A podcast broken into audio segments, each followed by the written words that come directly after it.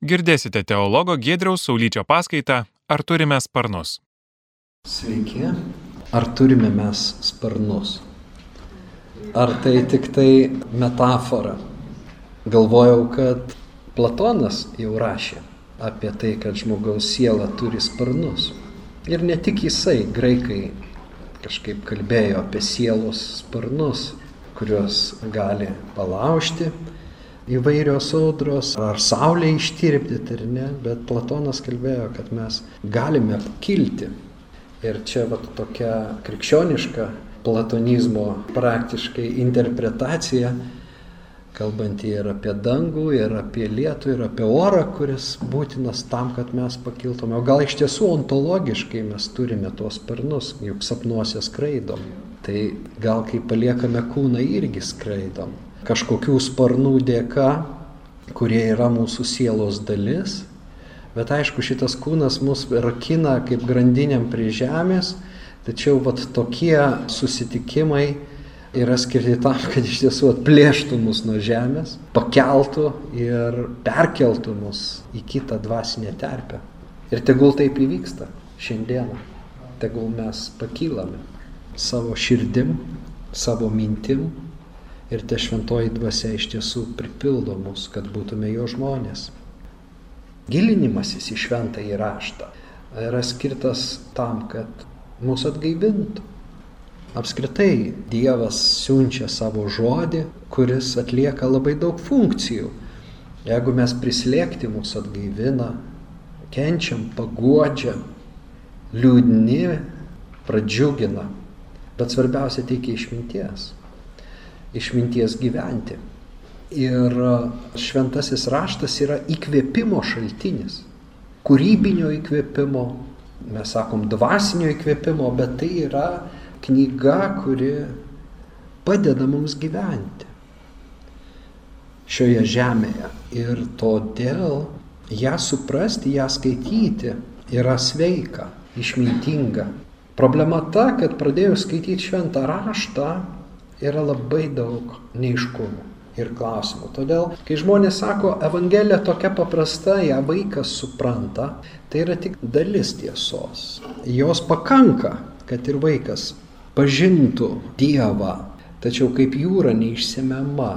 Ir jeigu skaitai, o būtent mes ir raginam vienas kitą skaityti, šventą įraštą, supranti, kad nieko nesupranti, labai mažai supranti. Tai va šitos studijos turėtų bent iš dalies užpildyti spragas, pagilinti suvokimą, atsakyti kai kurios klausimus, bet taip pat ir paskatinti jūs pačius tyrinėti.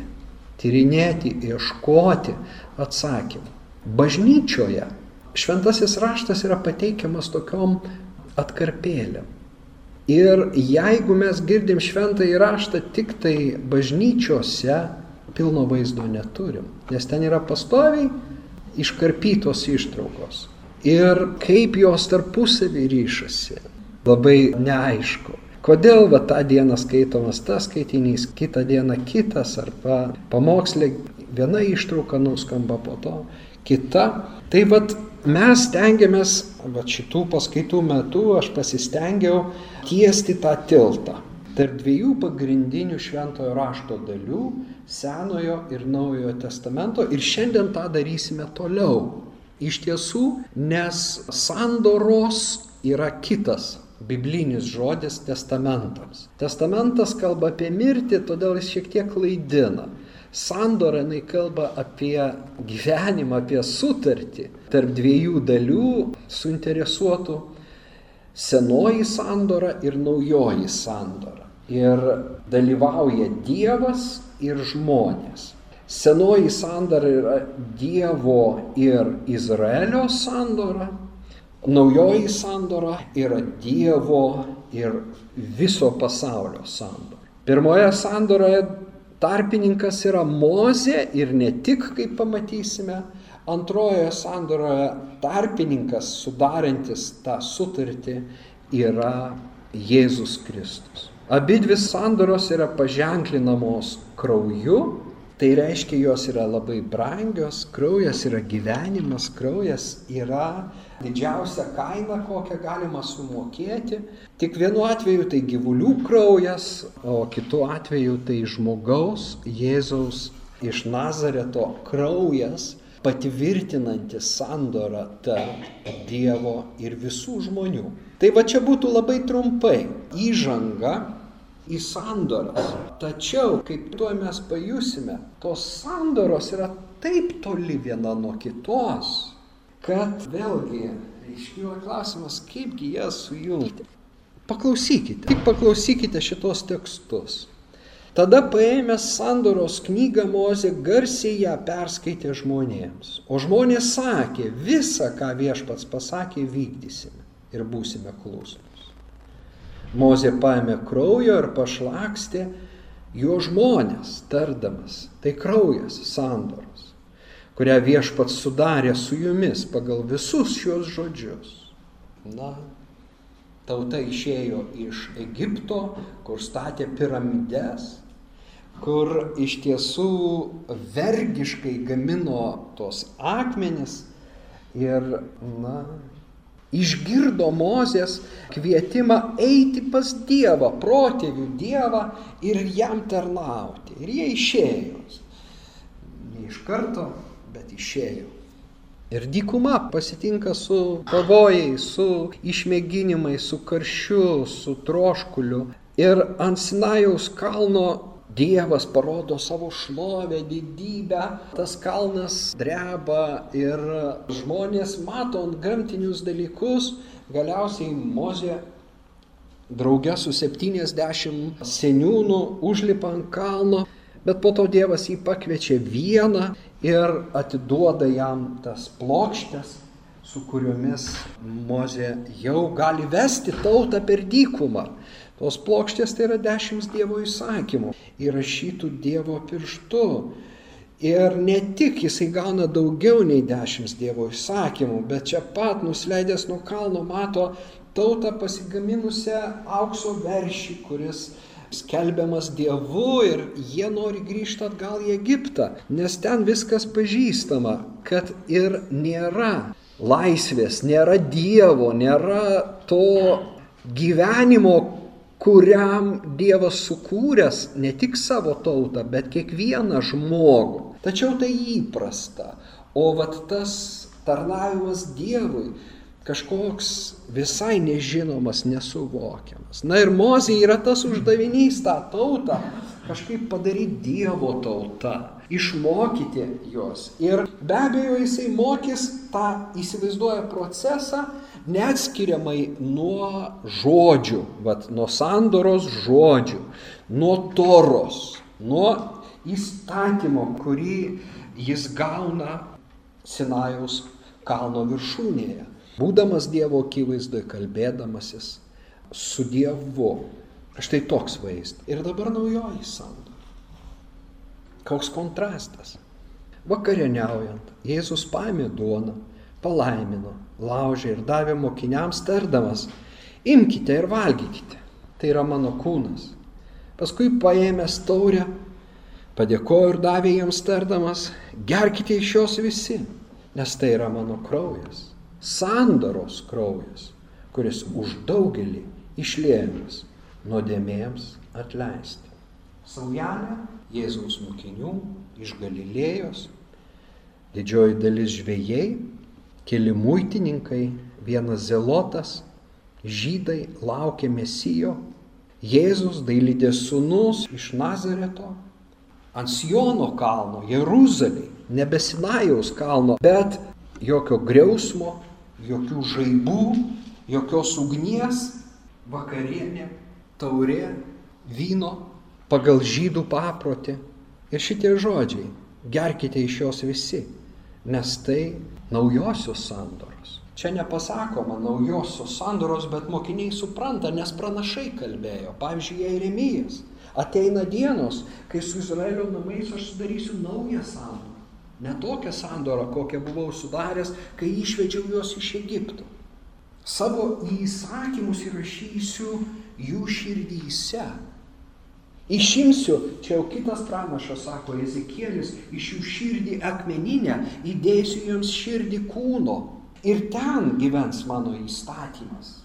Nebereikės mokyti vienas kito paklusnumo, nes tas paklusnumas bus jūsų širdyje. Tokia bus naujoji sandora, kai ją sudarysiu. Ir štai tas Jėzus iš Nazareto išdrįsta pasakyti šitos žodžius, štai šita sandora. Mano kraujuje jie nujaučia mirtį, dar ta mirtis įvyks, dar jos nėra, bet tai jau simbolis. To pralieto kraujo, to, kuris bus pralietas, kuris buvo dabar jau pralietas, nuodėmėms atleisti. Bet pajuskime kontrastą.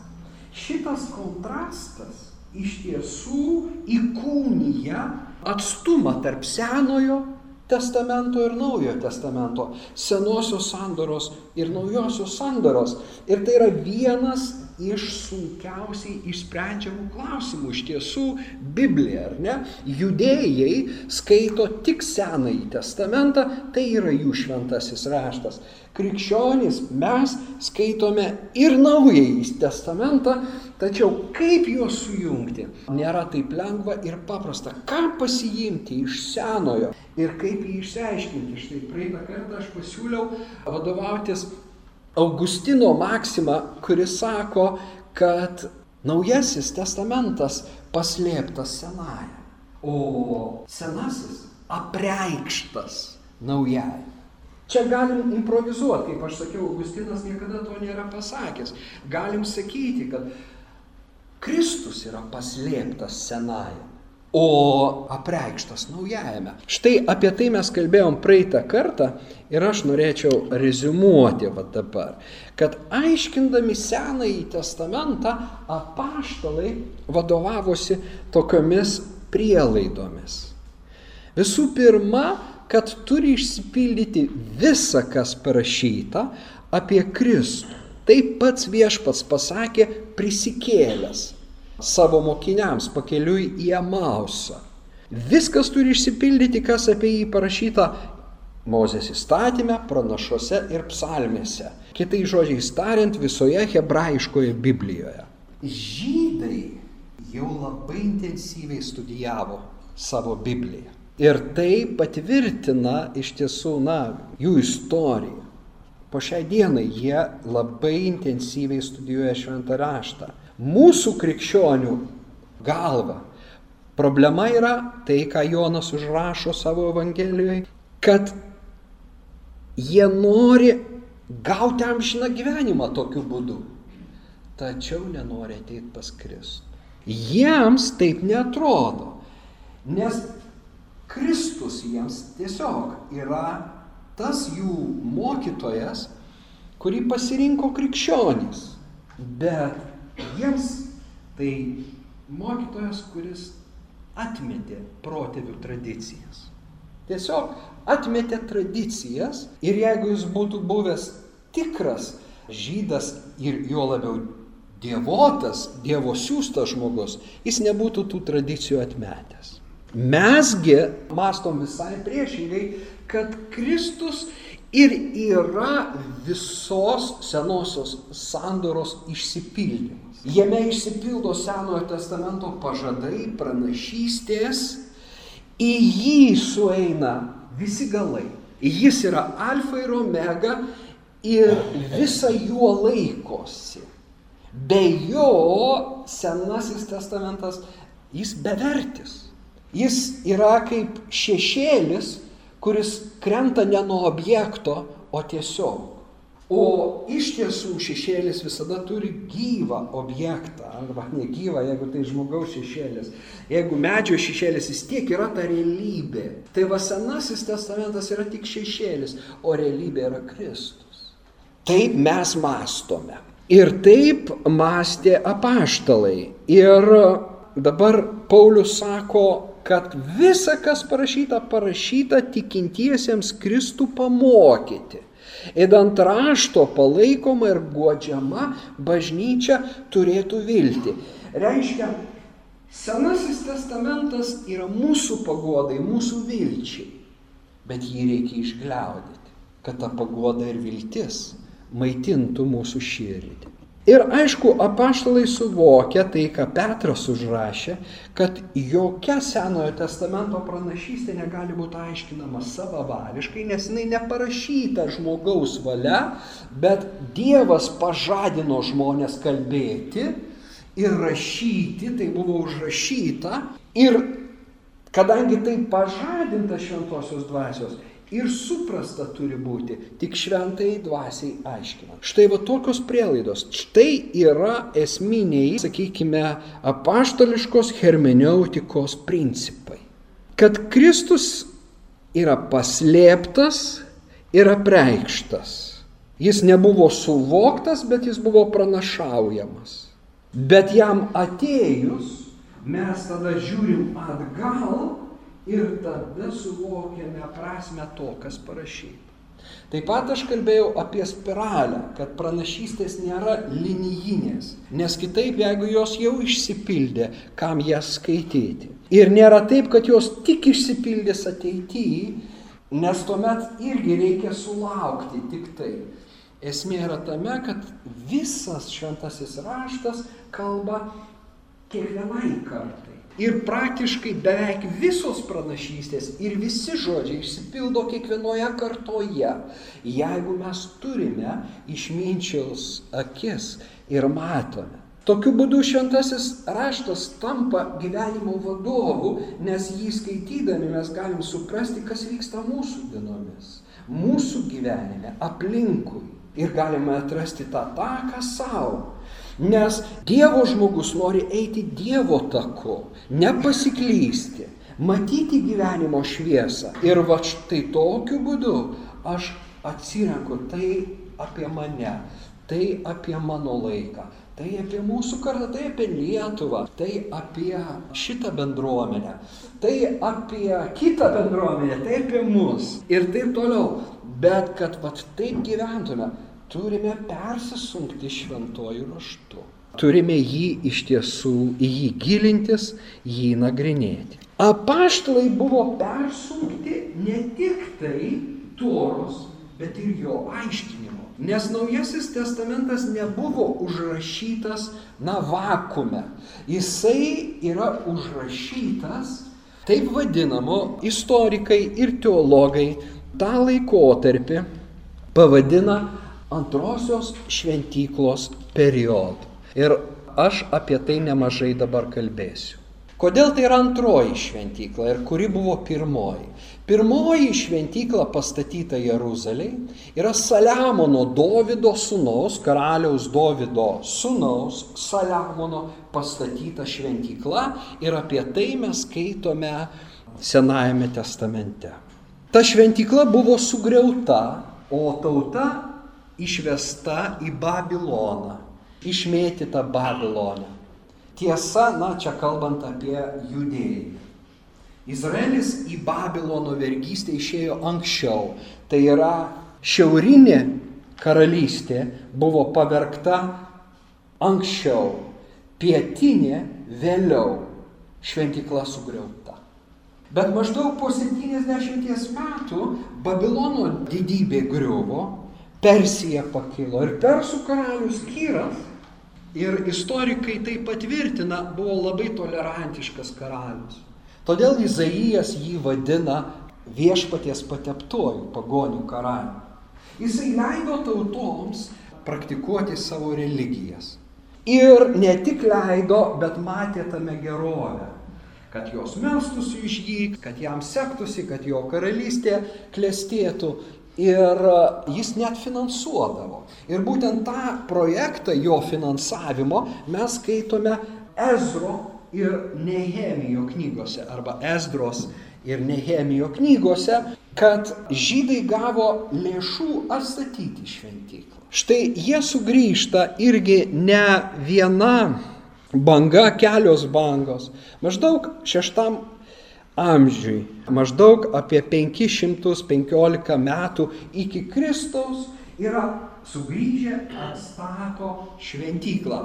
Aišku, jinai neprilyksta nei dydžiu, nei grožiu, nei šlove Saliamono šventyklos. Todėl dalis tautos verkia, matydami ją, kokia jinai skurdi, lyginant su ta didybė, kuri buvo, tačiau tai visgi tampa vėlgi vilties vieta, garbinimo Jahvės vieta Jeruzalė. Tai vad šventyklos atstatymu tai jau antroji šventykla, prasideda tas antrosios šventyklos periodas. Bet jis baigėsi 70 mūsų eros metais, kai jau viešpatauja romėnai ir žydai sukyla prieš Romos imperiją, turėdami klaidingų mesijinių lūkesčių ir yra pavergiami Tito kuris po to tampa imperatoriumi, bet yra kariuomenės vadas. Jeruzalė yra visiškai sugriaunama. Ir praktiškai iki tik 20 amžiaus, tai yra 20 amžiaus vidury, jinai vėl sugrįžta žydų rankas arba jie bent dalį jos gauna, ne visą. Ir tai pasilieka iki mūsų dienų. Taigi mes turim tą laikotarpį nuo 500 metų iki 70 mūsų eros metų, antrasis periodas šventyklos, kurio metu vyksta visi įvykiai aprašyti Naujajame testamente. Taigi Naujasis testamentas yra dalis to periodo. Ir problema su švento rašto skaitytojais, tyrinėtojais ir ištisomis konfesijomis yra štai kame, kad yra atmetama to periodo literatūra kaip nesvarbi. Taigi skaitoma Biblija iki šito periodo, na ir tik kelios knygos Senajame testamente priklauso šitam periodui. Iš mano minėtų jau Nehemijo Ezro knygų, na dar galima Danieliaus knygą priskirti, dar galim ir tris pranašus - Agėjas, Zacharijas ir Malachijas. Viskas. Viskas reiškia, ką mes turime Senajame testamente. Ir štai kodėl, jeigu mes skaitom tik tiek ir mes pradedam skaityti Naują testamentą, yra be galo didelis šuolis. Mes turim peršokti iš vieno kranto į kitą ir mes nusileidžiam kitoj žemėj, kurios nesuprantam. Tačiau jiems jinai labai pažįstama. Jėzui, jo mokiniams, apaštalui Pauliui, kitiems apaštalams, kurie rašo, jie tarpusavį susikalba, bet mes jų nebesuprantame. Va kur problema yra. Arba galvojame, kad suprantame, tačiau o kaip yra su šita vieta, su šita, su šita, su šita. Ir aš jums parodysiu ne vieną vietą, bet prieš tai, kurios niekaip nesuprasi, nesuvokdamas tos terpės, kurioje jie gyvena ir rašo ir kurioje vyksta veiksmas įtvirtinantis naująją sandorą. Pradėsime mes, aišku, tai tik štrichai. Tai yra ištisas tyrimo laukas, sakykime, ištisas studijų laukas. Na ir pradėti reikėtų nuo antrojo kanono knygų. Vėlgi, kai kuriuose Biblijose jos yra įtrauktos.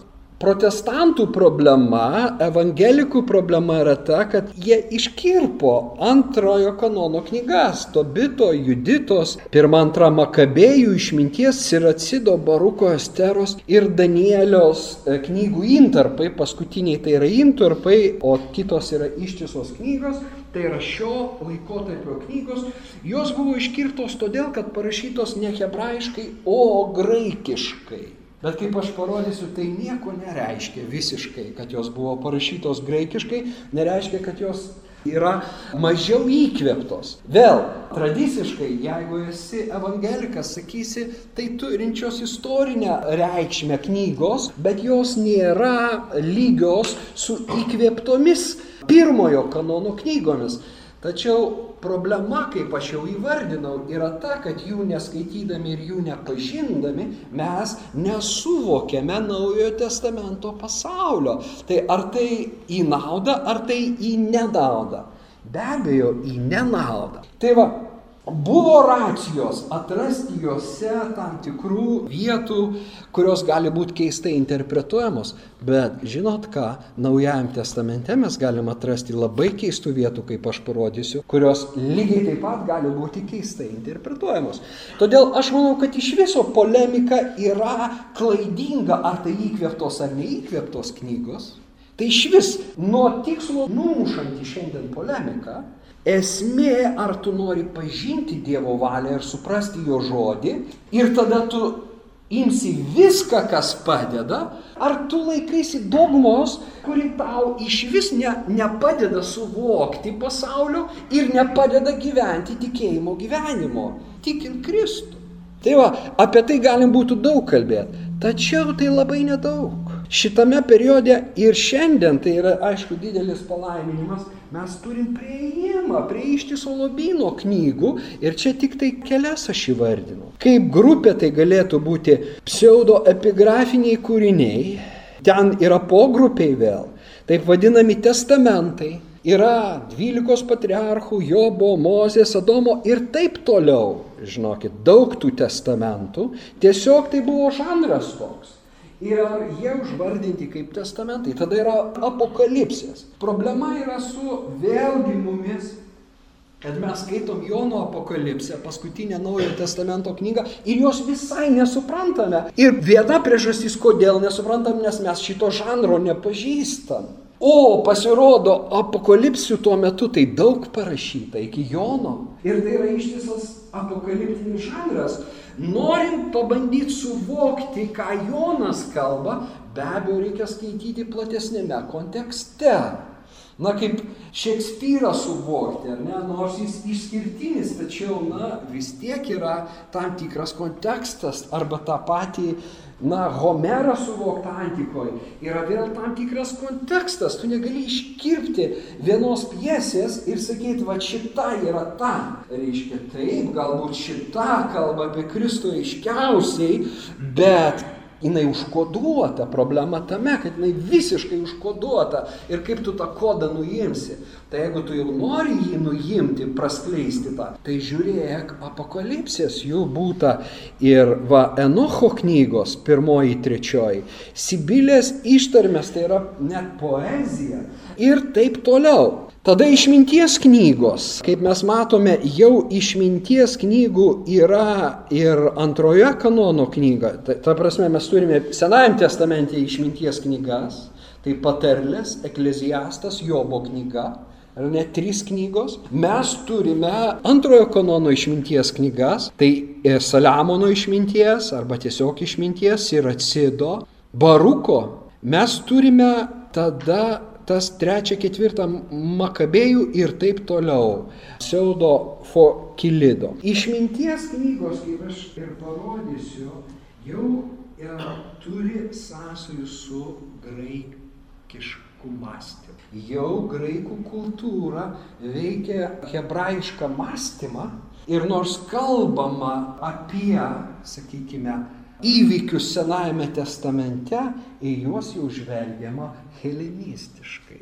Ryškiausias pavyzdys būtų Filonas Aleksandrietis. Tai jau žydų diasporos tekstai dar aš išskiriu ir čia mes turime Filono. Filonas Aleksandrietis gyvena, na, iki Kristaus, va, prieš pat Kristaus gimimą.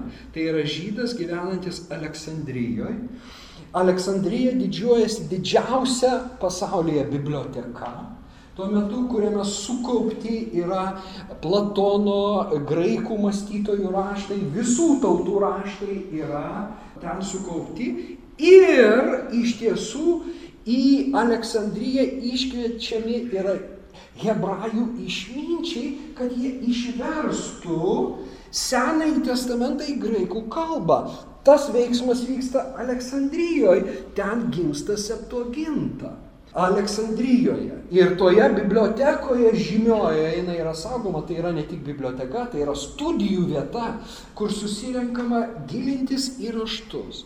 Aleksandrija tampa intelektualiniu centru apskritai. Tai vad Filonas Aleksandrietis yra labai įdomus tuo, kad tai yra žydas, kuris galbūt pirmasis rašo komentarus Mozės toroj ir svarsto kaip graikas.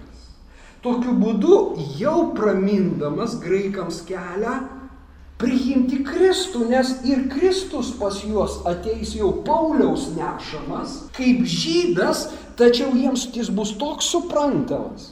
Paulius neatliktų to, ką jis atliko, jeigu iki jo nebūtų buvę pirmtako.